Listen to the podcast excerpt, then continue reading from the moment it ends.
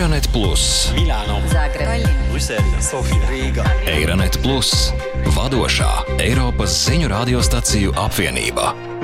Saprast Eiropu labāk!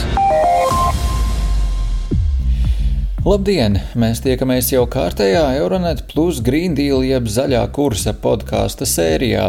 Tajā kopā ar kolēģiem no Eiropas aplūkosim to, kā mēs, Eiropieši, varam ietekmēt tā dēvēto zaļo pāreju, ko Eiropas Savienība ir uzsākusi. Šodien runāsim par ballīšu ietekmi uz vidi.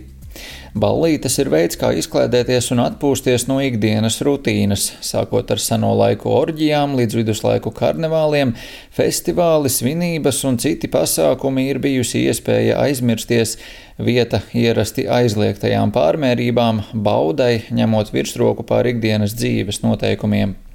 Ņemot vērā, ka daudzu Eiropas jauniešu prātus nodarbina klimata pārmaiņas, karš pie Eiropas Savienības robežām, pandēmija un tuvojošā ekonomikas krīze, nav pārsteigums, ka daudzi vēlas aizmirst par ikdienas problēmām un uz dažām stundām no visa atslēgties. Bet vai šādas atpūtas laikā ir jāatbrīvojas arī no mūsu pārliecības par vides jautājumiem?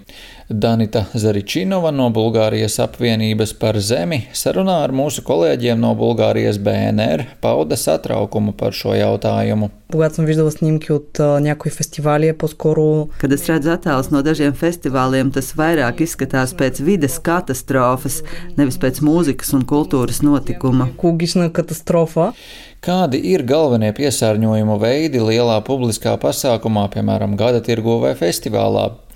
Annika no Beļģijas radiostacijas RTBF uzdeva šo jautājumu Samuēlam Čepelam, ekoloģiski atbildīgā Lasemo festivāla direktoram. Šis ir festivāls visām paudzēm, ar mūziku, spēlēm, darbnīcām, ballītēm un konferencēm par ilgtspējību. Tas vienā no Beļģijas parkiem trīs dienu laikā uzņem 30 tūkstošus dalībnieku. Alors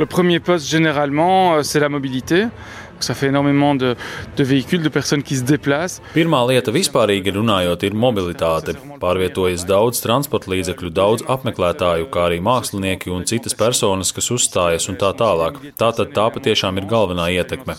Otrā ietekme bieži ir saistīta ar pārtiku, jo ēd tūkstošiem cilvēku. Šis ēdiens ir jāražo, jāsagatavo, jāapstrādā un jāpatērē, un ir skaidrs, ka radīsies atkritumi. Un tad ir citi elementi, kuriem ir mazāka ietekme, proti viss, kas saistīts ar organizāciju visa gada garumā, jo ir cilvēki, kas strādā visu gadu. Šeit galvenokārt tiek īrēts loģistikas aprīkojums un infrastruktūra, viss, kas saistīts ar dekorācijām, scenogrāfiju. Tātad tās ir šīs lietas. Runājot par oglekļa pēdas nospiedumu, tā pirmām kārtām ir mobilitāte un transports, tad pārtika un tad daudz mazākā mērā virkne citu lietu. Elementi, kas jāņem vērā, ir daudz un tie ir kompleksi, jo pasākums ir jāskata kopumā, sākot no mobilitātes līdz racionālai dabas resursu izmantošanai, no ilgspējīgas ēdināšanas līdz atkritumu ekoloģiskai organizēšanai un tā tālāk. Turpina Jūlija Mafalda, Polijas organizācijas ETI izpildirektore. Viņa runāja ar mūsu kolēģiem no Polskija radio. Jako organizacja, e, która tworzy i wdraża ekologiczne i etyczne rozwiązania dla firm i wydarzeń, Kā organizācija, kas rada un ievieš zaļus un ētiskus risinājumus uzņēmumiem un pasākumiem, mēs zinām, ka tas ir iespējams. Starp daudzajiem ieteikumiem, ko vienmēr iekļaujam, ir pareiza atkritumu šķirošana, atkārtoti lietojami vai vismaz bioloģiski noārdāmi trauki. Mēs arī fokusējamies uz sadarbību ar māksliniekiem, kas rada mākslu no pārstrādes. Citiem vārdiem sakot, pārvērš atkritumus par kaut ko jaunu, piemēram, pasākumu dekorācijās, kompostu toaletēs un piedāvā ekoloģiskas un vietēji ražotas lietas un pakalpojumus festivālā. Vienmēr pārunājam arī festivāla apmeklētāju nogādāšanu uz norises vietu, bet tas ir viņu lēmums. Izglītot un popularizēt labākos risinājumus, tas tiek atstāts rīkotāju ziņā. Vienlaikus arī ļaujot dalībniekiem turp nokļūt kopā ar autobusu vai vilcienu. Pierādījumu, ka jūs varat darīt labāk, var atrast vairākos polijas festivālos, kuru rīkotāju sadarbībā ar mums ir radījuši ievērojami mazāk atkritumu un oglekļa dioksīda, lielu daļu šo atkritumu pārstrādājot. Piemērs no ārzemēm ir Norvēģu festivāls Oja, kurā ne tikai visas ēdienreizes tiek pasniegtas kompostējumos iepakojumos un dzērieni atkārtoti lietojamā iepakojumā, bet arī atkritumus šķiro pat 16 daļās, no kurām 60% izmanto atkārtoti. Šis ir tikai piemērs, lai parādītu, ka viss ir iespējams. Viss, kas nepieciešams, ir vēlme un apņemšanās. Wystarczą chęci i zaangażowanie. Bet, ja daži pasākumu organizatori jau ir ceļā uz ilgspējību, daudzi nezina, kad un ar ko sākt, skaidro Inese Aireza. Viņa ir ilgspējīgu pasākumu pasniedzēja uzņēmumā Zero Waste Lab Portugālē, un viņu uzklausīja Kristīna no Radio Renesensa.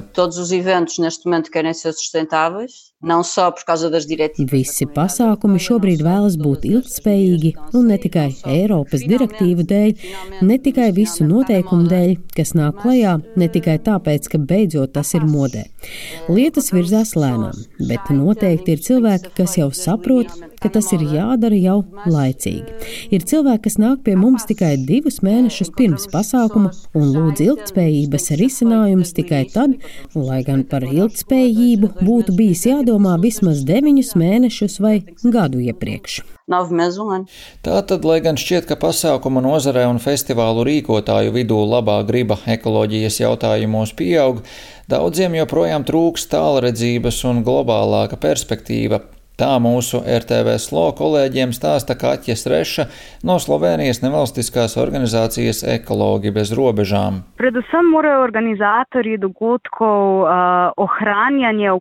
Imeti. Pirmkārt un galvenokārt pasākumu rīkotāju dienas kārtībā jau sākotnējā plānošanas fāzē ļoti liela uzmanība ir jāpievērš vides saglabāšanai, jo, kad esam nonākuši īstenošanas fāzē, ir par vēlu.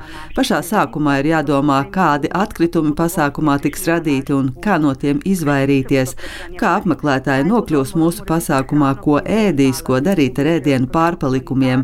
Rīkotājiem jāsazinās ar humanās palīdzības organizāciju, kas būs pieejama pēc izsaukuma un varēs izdalīt šo pārtiku tiem, kam tā ir nepieciešama.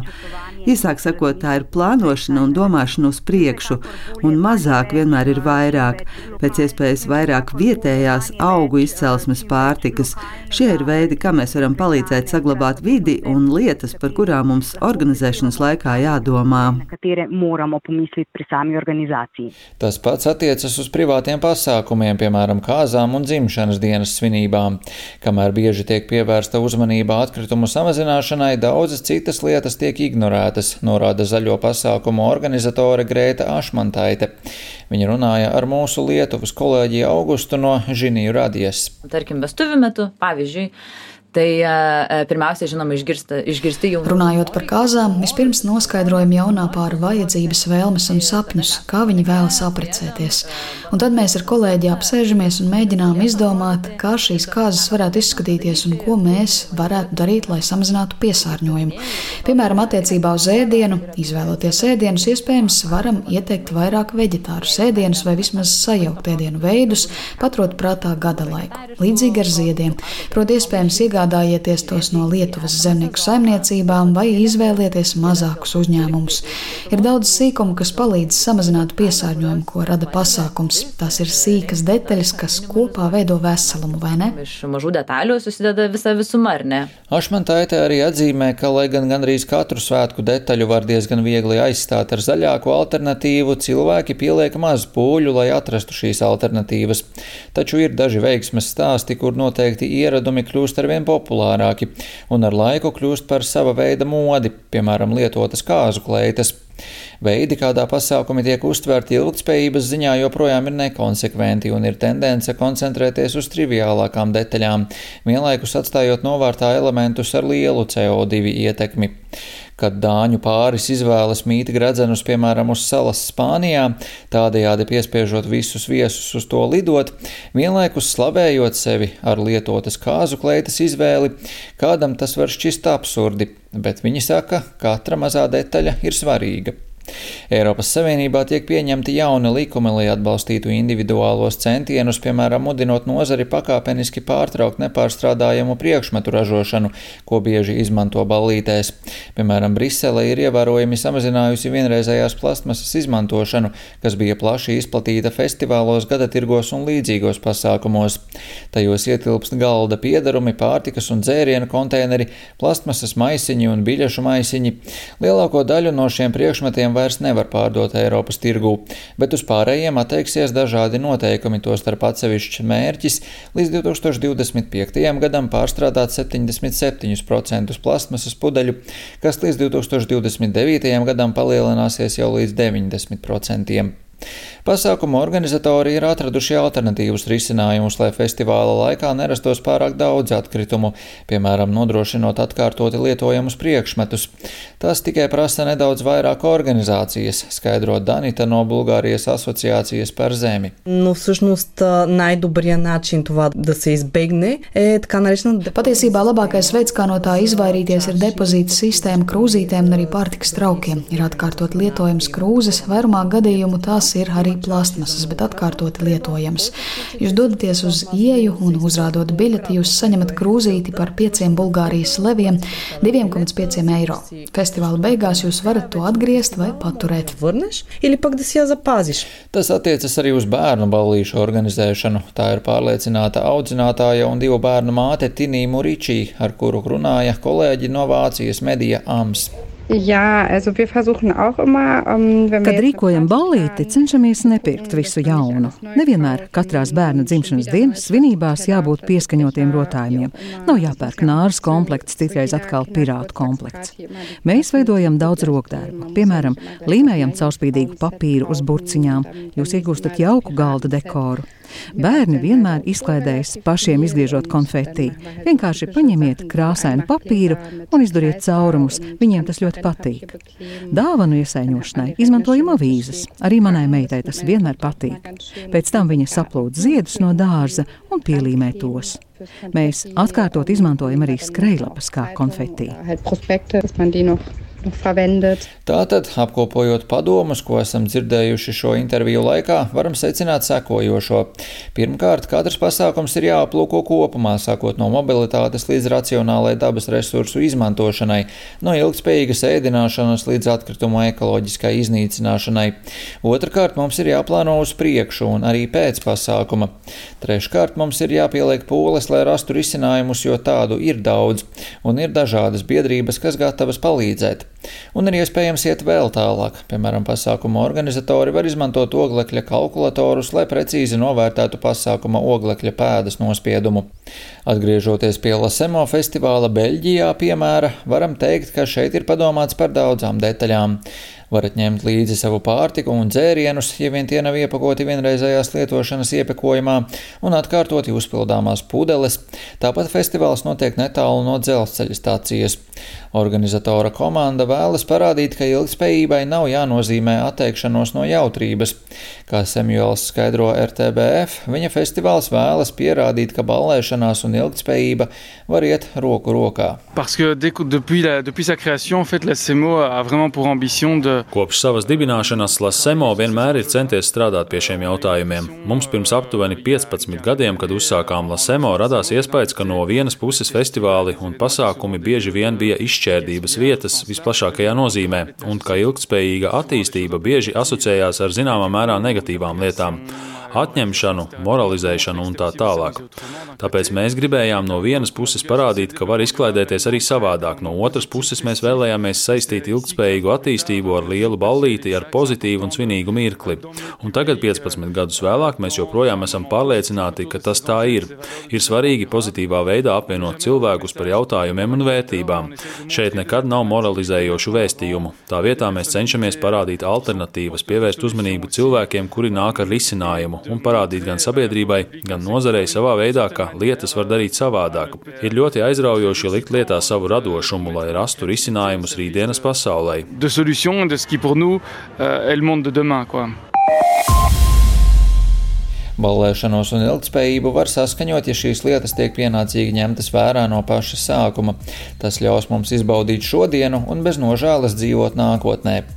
Ar to arī izskan šīs nedēļas Euronet Green Deal jeb zaļā kursa podkāsts. Tiekamies jau nākamajā epizodē. Eironet Plus, Milāno, Zagreba, Brisele, Sofija, Rīga. Eironet Plus, vadošā Eiropas ziņu radiostaciju apvienība. Saprast Eiropu labāk!